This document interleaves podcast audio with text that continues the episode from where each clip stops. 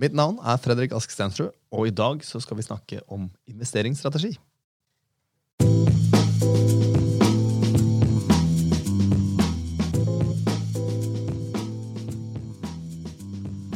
Er du med meg, Anders? Jeg er med.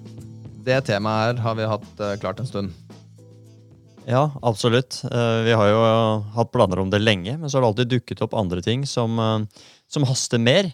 Men samtidig så er jo kanskje dette det aller viktigste, og spesielt i tider sånn som nå, når markedet svinger mye. Og så må jeg også si at alt vi kommer til å snakke om i dag, det, det er bygget på vår investeringsfilosofi i Danske Bank, og som alle våre råd i banken også kommer fra. Ja, men før vi kommer i gang, så tenkte jeg at jeg skulle plugge litt eh, innledningsvis. Eh, hvis dere vil høre mer, eh, eller lese mer om Anders sine meningsytringer i markedet, så kan dere finne han på Twitter under handle at makrojohansen. Og dere finner også meg på Twitter på at askstensrud. Da kan dere sende inn spørsmål eller ønsker om temaer som vi skal dekke i denne podkasten. Det kan dere da sende inn der. Eh, vi hadde også satt veldig stor pris på om dere abonnerer selvfølgelig på podkasten vår. Så der hvor du lytter til podkasten kan du trykke 'abonner'. Da får du eh, push-varsler når nye episoder kommer ut. Og det kommer til å komme nye episoder ut fra Danske Bankers eh, natt til hver torsdag annenhver uke fremover. Ok, Anders, La oss bare stupe inn her, for jeg mistenker at dette er et tema som du har ganske mye å si om. Så hva er de viktigste tingene som vi skal snakke om her når det gjelder investeringsstrategi. Jo, du har helt rett. Jeg har mye å si om akkurat dette, så, men uh, jeg skal prøve å oppsummere det uh, innledningsvis her. Vi skal snakke om seks ting. Det er først hva er risiko? er det bare svingninger, eller er det også andre ting som er risiko? Så skal vi snakke om sammenhengen mellom risiko og avkastning. og da må vi bare ta det med en gang. Det finnes ingen gratis lunsj. Så hvis det virker for godt til å være sant, så er det alltid det. Så når vi har vært igjennom både risiko og avkastning, så kan vi gå videre på viktigheten av å investere langsiktig. Risikoen ved å investere i aksjer er nemlig sånn at den reduseres med tidshorisont, mens det er motsatt for investeringer i bank og eh, obligasjoner, rentepapirer for så vidt, hvor inflasjonen spiser kjøpekraft over tid. Det gjør det for så vidt også på aksjer, men det blir viktigere for den type avkastninger med lavere avkastning, eller investeringer med lavere avkastning. Så skal vi, eller Jeg forklare da sammenhengen, eh, sammensetning av aksjer og renter, og at det er det som er den viktigste eh, forklaringsfaktoren på hvilken avkastning du får i markedet over tid. Det kalles strategisk allokering. Så skal vi også diskutere litt rundt det som eh, kalles taktisk allokering, altså gjøre små endringer og justeringer underveis. Men som det da allerede har sagt, det viktigste er den strategiske sammensetningen mellom aksjer og renter. Så nummer fem da er det viktig å spre investeringen ehm, på både aksjer og renter og eventuelt andre ting. Det kalles eh, på fint finansspråk diversifisering. Og alt går jo i sykler, og det er også lett å bli revet med eh, når ting har gått bra lenge, og at man da gradvis øker allokeringen sin, putter mer penger inn i det. Det er farlig. Det er viktig at man holder eh, spredningen sin på, på forskjellige både aktivaklasser, flere aksjer osv. Og så er det også, som jeg kom litt inn på, økonomiske grunner til at avkastningen over tid blir, eller er 68% på aksjer, selv om det i perioder blir adskillig mer, og i andre perioder adskillig lavere. Og så siste tema. Hvorfor er det så vanskelig for oss mennesker å være gode investorer? Og kort fortalt så er det jo sånn at vi genetisk har utviklet oss til å overleve i et helt annet miljø enn det vi lever i i dag. Uh, og så er vi ikke så glad i å tenke uh, lenge over ting. Derfor bruker vi en del tommelfingerregler som, uh, som bruker vi så ofte vi kan. og kanskje en av de aller viktigste av dem det er jo det at vi er glad i å gå i flokk. det virker bra på savannen, men det virker ikke like bra på aksjemarkedet. og de aller fleste av oss har faktisk bedre av å investere oss og glemme de investeringene vi har gjort, og så heller komme tilbake til dem med med, med, med lange horisonter, eller lange mellomrom. Eh, det viser i hvert fall alle de studiene som er gjort, at gjennomsnittsinvestoren har egentlig det beste av å legge en strategi, og så holde seg til den over tid. Det her er helt vakkert. Her appellerer du til min eh, OCD, Anders. Dette var en nydelig struktur. Jeg, jeg føler faktisk at jeg vil oppsummere strukturen din før vi går i gang med det, for jeg synes det var så bra. Men vi skal da gå innom seks temaer. Risiko, Nummer én sammenhengen mellom risiko og avkastning. Nummer to vi skal gå gjennom tidshorisonten på investeringer. Nummer tre vi skal gå gjennom sammensetning eh, av aksjer og renter. Det er nummer fire. Nummer fem er viktigheten av diversifisering, altså å spre investeringene. Og til slutt så skal vi snakke litt om psykologi og hvor vanskelig det er å være menneske. Men hvis vi tar risiko først, eh, Anders. Eh, for eh, det, det, betyr jo litt forskjellige ting for forskjellige folk, og, og, investorer kan jo ha forskjellig risikoappetitt. Så hvordan definerer vi risiko i finansverden? Ofte så tenker vi jo på, på risiko eh, som verdisvingninger. Altså de svingningene vi ser på børsen fra dag til dag eller eh, måned til måned. Det Av eh, ekspertene så kalles det da gjerne standardavvik. Um, men det er bare én av forskjellige svingninger nei, risikofaktorer. Eh, ofte så kan man se over lengre tid så er det jo det at du faktisk taper pengene permanent. Altså varig tap, realiserer et tap som du aldri kommer til å få tilbake. Det er jo det som på en måte er den ultimate risikoen. Det kan også være en annen ting som kanskje har blitt ekstra viktig nå i det siste, som er dette tap av kjøpekraft, altså inflasjon. Eh, fordi, og Hvorfor er det viktig nå i det siste? Jo, fordi inflasjonen er ganske høy nå i forhold til hva den har vært de siste 10-15-20 årene. Likviditet er en eh, risiko som er eh, lett å glemme, spesielt i gode tider, fordi da virker alt likvid. Men eh, det er jo sånn at man også trenger Eller det er ikke alltid man kan planlegge når man trenger pengene. Og hvis du da har bundet opp store deler av likviditeten din i andre ting, så er det også en risiko. Og den bør man faktisk også bli kompensert for over tid. Så ting som er lite likvid, bør ha en høyere avkastning enn enn andre investeringer. Kommer mer inn på det. Uh, og all, alle disse tingene er forskjellige risikoer. Det som er problemet, det er at eh, det er ofte den første, altså svingningene, som dominerer fra dag til dag. Det er det vi opplever. Mens eh, f.eks. inflasjon gradvis spiser pengene dine, eller kjøpekraften din over tid, over år tiår og tiår, så ser vi svingningen. Vi opplever den, og vi får også den referert både i nettaviser, på nyheter osv. hver eneste dag. Så det er litt eh, problemet. Hvis det er én ting jeg vil at eh, dere som hører på, skal ta med dere, så er det det at risiko er flere ting. Så må vi også huske det at eh, det er noe som heter inflasjon og tap av kjøpekraft. Uh, og det er heller ikke det å plassere pengene i banken er helt risikofritt hvis tidshorisonten er lang, f.eks. 10-15-20 år. Ok, da er vi enige om hva risiko er, Anders. Uh, hva er sammenhengen mellom risiko og avkastning? Jo, kort fortalt så er det sånn at det må være eh, eh, Hvis man vil ha høyere avkastning, så må man også ta høyere risiko. Ofte så sier vi det at den laveste risikoen man tar, det er eh, bankinvesteringer. Nå igjen, Husk at det finnes forskjellige definisjoner, og nå snakker vi da primært om det som går på svingninger. Så er det Eh, pengemarkedsfond, obligasjoner og da etter hvert høyrenteobligasjoner og aksjer, da, som ofte er det mest risikable som, eh, som man kan investere i. Så føles det forskjellige eh, nyanser også innenfor for aksjer. Men det er i hvert fall en sånn stigende risiko der, fra bank, pengemarkedsfond, obligasjoner, høyrenteobligasjoner og så til aksjer. Og så må dere huske det, da, igjen, at det er ingenting som er eh, Det, det finnes ikke det som, eh, hvor du loves, garanteres nesten en skyhøy avkastning uten å ta risiko.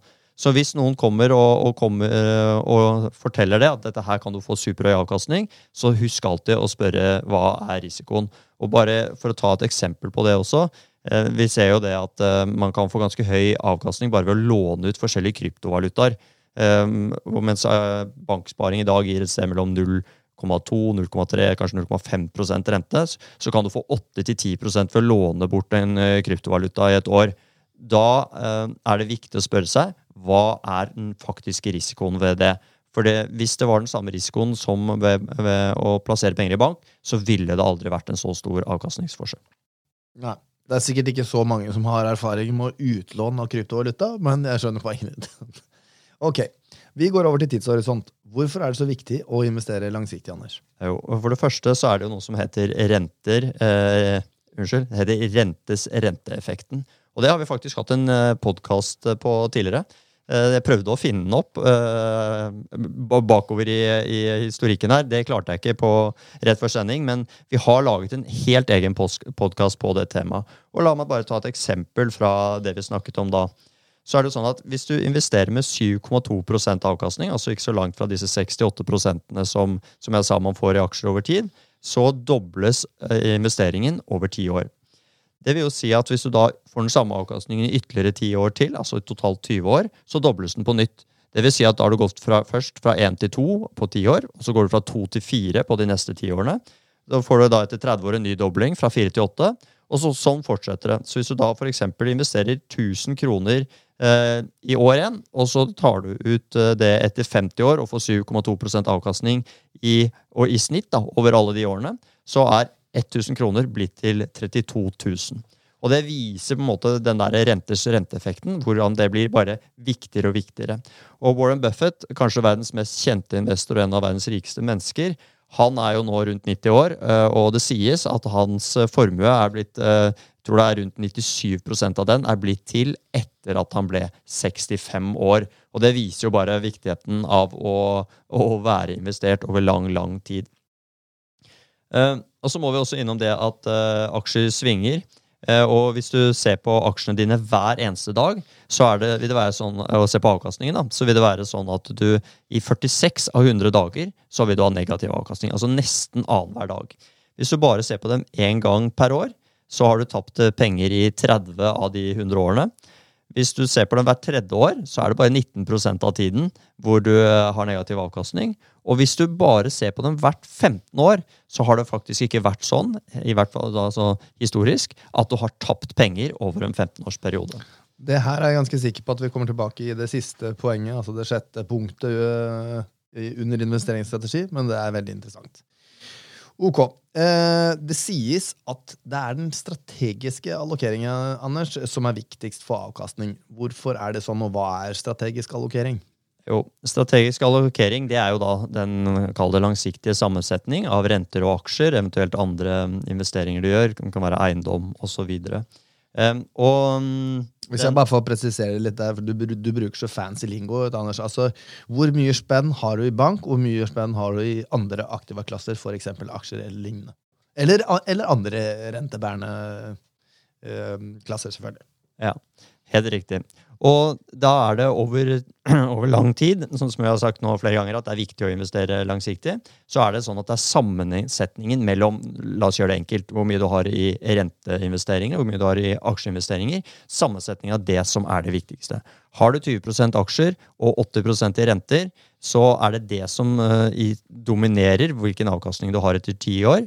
Eh, sammenlignet med en som har 80% aksjer og 20% renter. Det er liksom uh, regel nummer én. Uh, og så bruker man jo ganske mye tid, og man blir fristet på å diskutere oljepris, man kan diskutere regioner og land og den type ting innenfor, uh, innenfor aksjer.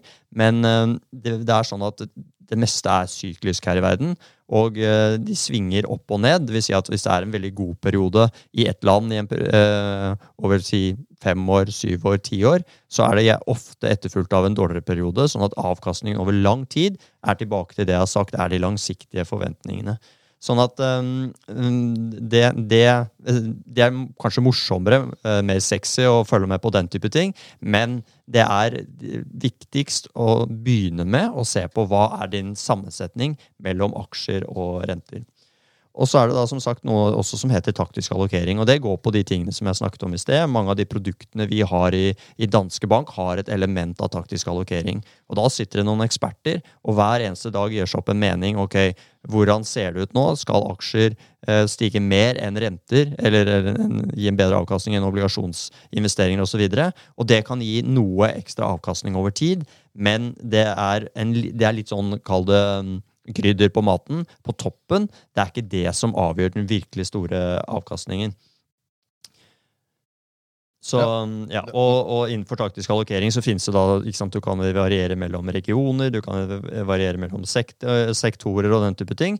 Og det som er viktig, da, hvis man føler at ok, nå er jeg blitt såpass god at nå må jeg begynne å, å gjøre noe mer enn bare putte pengene mine i et globalt aksjefond, så er det viktig at uh, hvis man skal prøve seg på dette, her, så må man ha en modell. Man må ha en strategi for hvordan man gjør de tingene. For Hvis du bare gjør det helt på måfå og tenker alltid at uh, hvordan, hva føles riktig nå, uh, skal amerikanske aksjer gjøre det bedre det neste år, eller skal teknologi gjøre det bedre de neste seks månedene osv., så, videre, så kan jeg nesten garantere deg at du kommer til å få dårlig avkastning. Så da må du ha en modell. Ja, og hvis vi, hvis vi, drar det her over til et praktisk eksempel for, for kanskje en investor som ikke er så velbefart i, i det å, å, spare annet enn i bank, da, så, for det her, er, det her, er, veldig viktig. og Jeg tror Yale har gjort en undersøkelse på det her en gang, og at det var noe sånt som 90 av avkastningen din da, som var forklart av den strategiske allokeringen. det, det vil si, for mannen i gata, da, så betyr det at hvis du bestemmer deg for å begynne å spare, og du vil spare i aksjer, så er liksom ikke den beslutningen du tar etter du har tatt den beslutningen, altså om du velger å spare i Delphi Global eller Storebrand Norge, eller de beslutningene du tar, det er ikke det som forklarer avkastningen. Det er faktisk beslutningen om å spare i aksjer i det hele tatt, og hvor mye du har i aksjer, eh, og hvordan du forholder deg til det i forhold til hva du har i bank. Og det er egentlig litt betryggende. For uh, de fleste av oss har vel sikkert vært inn på en eller annen nettbank eller en mobilbank og prøvd å plukke ut et eller annet fond som man skal investere i, og så er mulighetene så store og så mange at man nesten bare gir opp. Men da er det godt å vite at hvis vi lener oss på teorien, så har det ikke så mye å si hva du velger. Så lenge du har en bevisst strategi og et forhold til hvor mye du sparer. Ja, og så må jeg bare legge til der at Det har jo noe å si hva du velger, men hvis du velger et bredt aksjefond, for eksempel, da, type globalt fond, så har det ikke så mye å si hvilket, hvilket av de du velger. Men hvis du velger et uh, small cap uh, norsk uh, fiskefond, så er det klart at det kan være ganske risikabelt. Jeg, jeg satte litt på spissen. Jeg tror ikke det er så mange av de vanlige investorene som går for et small cap fiskefond. Men samme det. Poenget er der, og det er i hvert fall et veldig godt poeng. Men la oss bevege oss videre til det fancy ordet diversifisering. Hva betyr det, Anders? Ja, Det er veldig mye fancy ord i finans, og diversifisering er et av dem. Og det betyr egentlig bare at det er det å spre investeringene. Og det er jo en av de tingene igjen da, som er viktig. Det er viktig å være langsiktig, og det er også viktig å spre investeringene sine. Som sagt så går alltid sykler.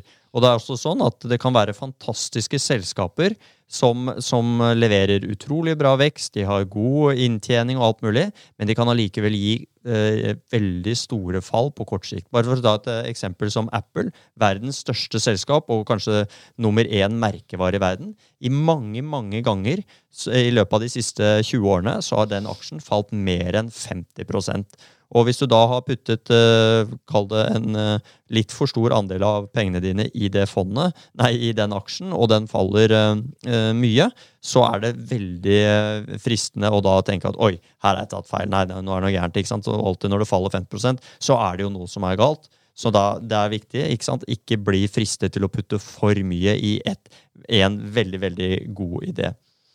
Eh, og så må vi også huske at det er økonomiske grunner til at aksjer gir 6-8% avkastning. Akkurat nå, i dag så tror jeg jeg må nøye meg med å bare si det, eh, men eh, nesten en egen podkast for bare å diskutere hvorfor er det sånn. Det tror jeg vi må sette på listen, Fredrik. Men, ja. men det stemmer også bra med historikken, hvis vi ser på mange forskjellige markeder, at 68% avkastning det er på en måte det vi kan vente oss over tid.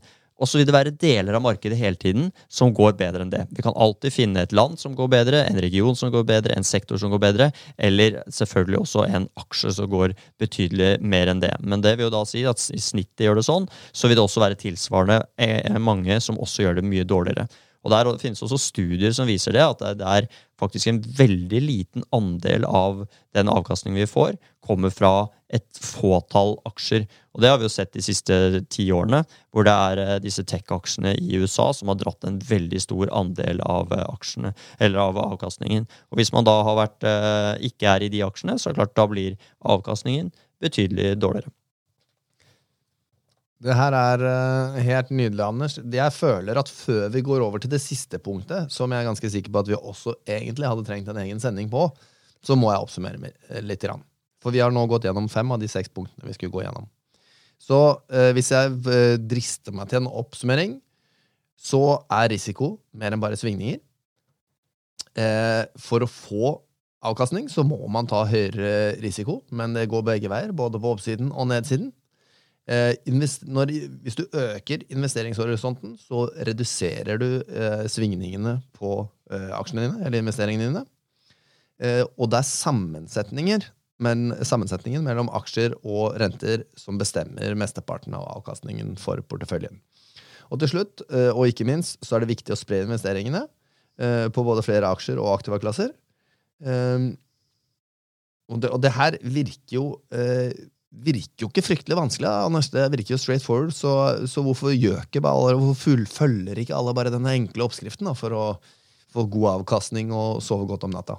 Jo, og Det er det som er eh, hele poenget, og det er det også som er det siste vi skal snakke om her.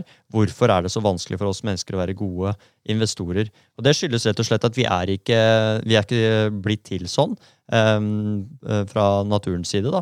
Uh, for rent genetisk så er det jo en kontinuerlig tilpasning i forhold til de forholdene vi befinner oss i. Og det tar mange tusen år uh, før de endringene blir store nok til at de blir synlige. Og aksjemarkedet det har vi jo bare hatt i noen hundre år. Og det er jo bare de siste 10-20 årene hvor vi har hatt denne eh, vanvittige informasjonstilgangen og sånt som vi, vi, har i dag.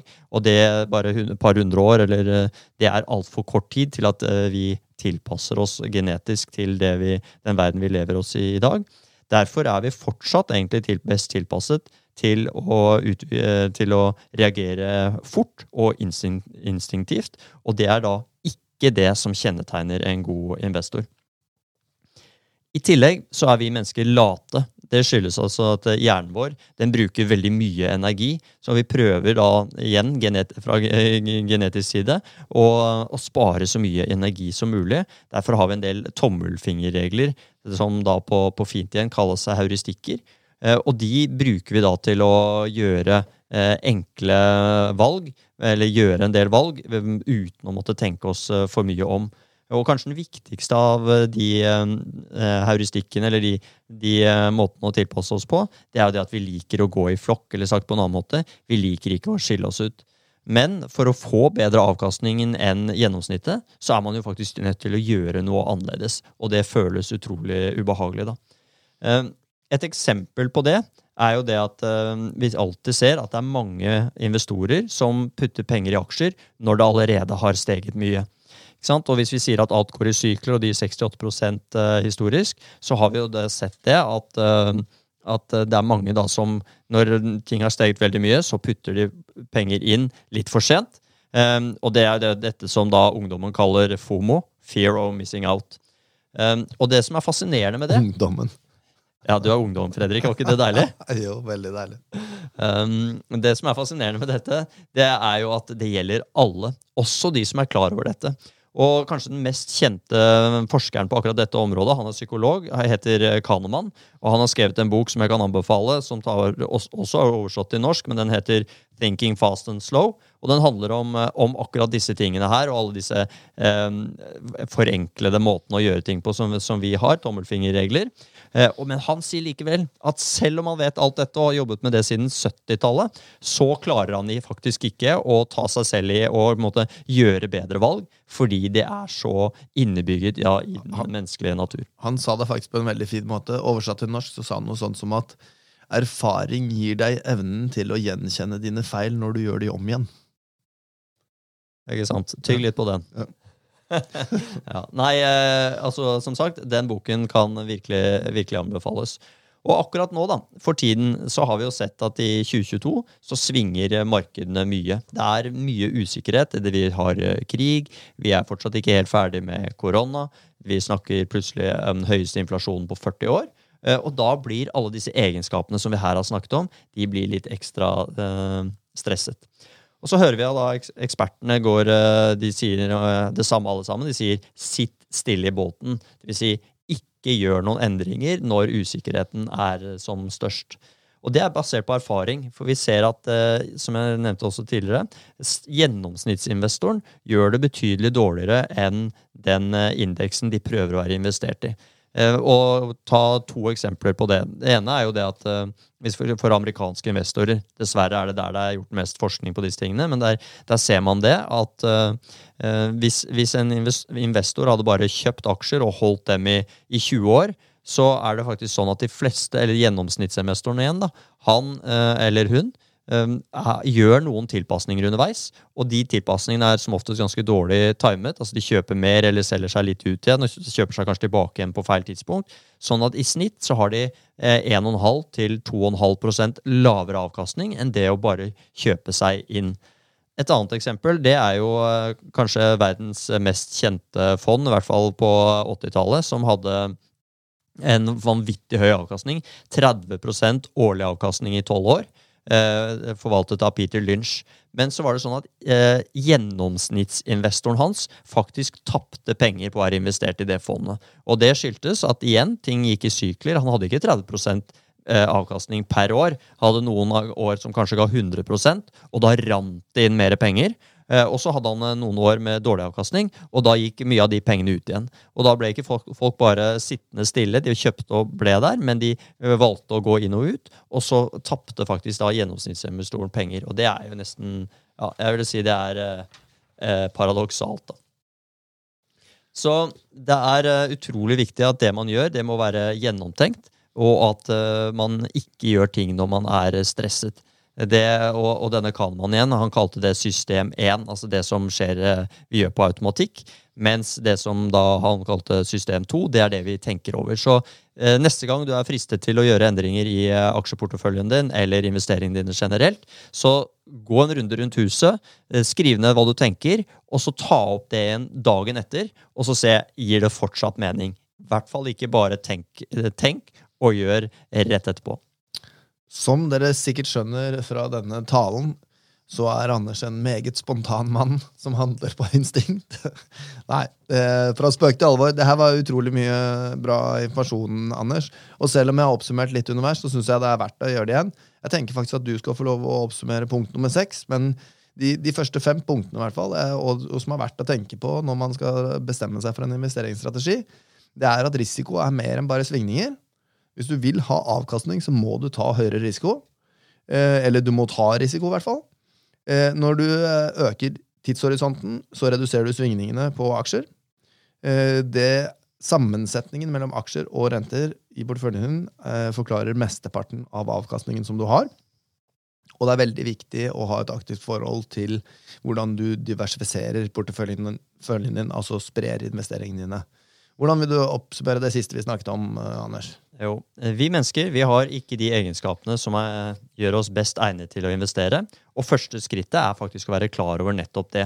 Man skal ikke ha overdreven selvtillit selv om man har gjort noen gode investeringer. Vær litt ydmyk. Vær klar over det at uh, den derre flokkmentaliteten og, det, og, og, en rekke andre det kommer en egen podkast på dette her. Kanskje en serie, til og med. Det er så mange. Men, men vær klar over det. Nummer to, legg en strategi. Ta deg, nummer tre, ta deg alltid god tid når du skal gjøre endringer, og diskuter gjerne med en venn eller kollega eller, eller en rådgiver eh, hva de endringene bør være. For det å investere, det er eh, litt som å se maling tørke. Man skal gjøre få endringer over eh, lang tid. Altså, spør publikum, og det driver meg egentlig ganske fint videre til eh, den siste plugg før vi runder av her. Eh, og det er at jeg tror at den sendingen her har um, kanskje trigga litt interesse hos noen av dere på visse temaer eller emner her som dere ønsker at vi skal titte nærmere på. Så vær så snill og send oss melding på Twitter, enten til at Ask Stensrud eller at Makro-Johansen. Eh, si hva du vil høre mer om, så skal vi produsere mer om det temaet du syns er spennende. Takk for en veldig god gjennomgang, Anders. Vi høres igjen om to uker. Det gjør vi. Ha det bra.